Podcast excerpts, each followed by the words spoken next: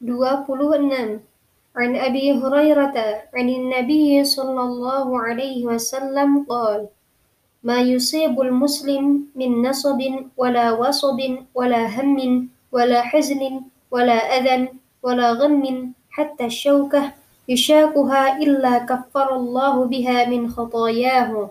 رواه البخاري. كتاب المرضى. باب ما جاء في كفارة المرض.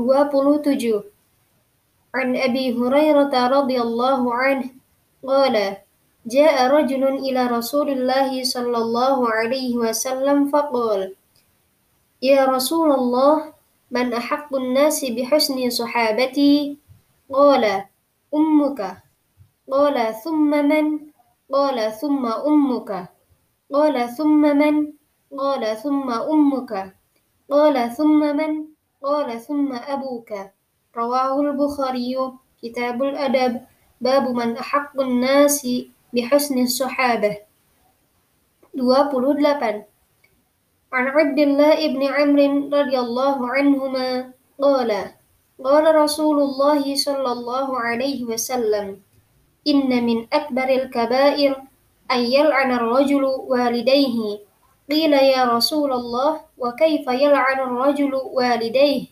قال يسب الرجل أبا الرجل فيسب أباه ويسب أمه رواه البخاري كتاب الأدب باب لا يسب الرجل والديه 29 عن النعمان بن بشير قال قال رسول الله صلى الله عليه وسلم مثل المؤمنين في توادهم وتراحمهم وتعاطفهم مثل الجسد. إذا اشتكى منه عدو تداعى له سائر الجسد بالسهر والحمى. رواه مسلم. كتاب البر والصلة والأداب. باب تراحم المؤمنين وتعاطفهم وتعاضدهم. 30 عن أبي ذر رضي الله عنه. أنه سمع النبي صلى الله عليه وسلم يقول لا يرمي رجل رجلا بالفسوق ولا يرميه بالكفر إلا ارتدت عليه إن لم يكن صاحبه كذلك. رواه البخاري. كتاب الآداب.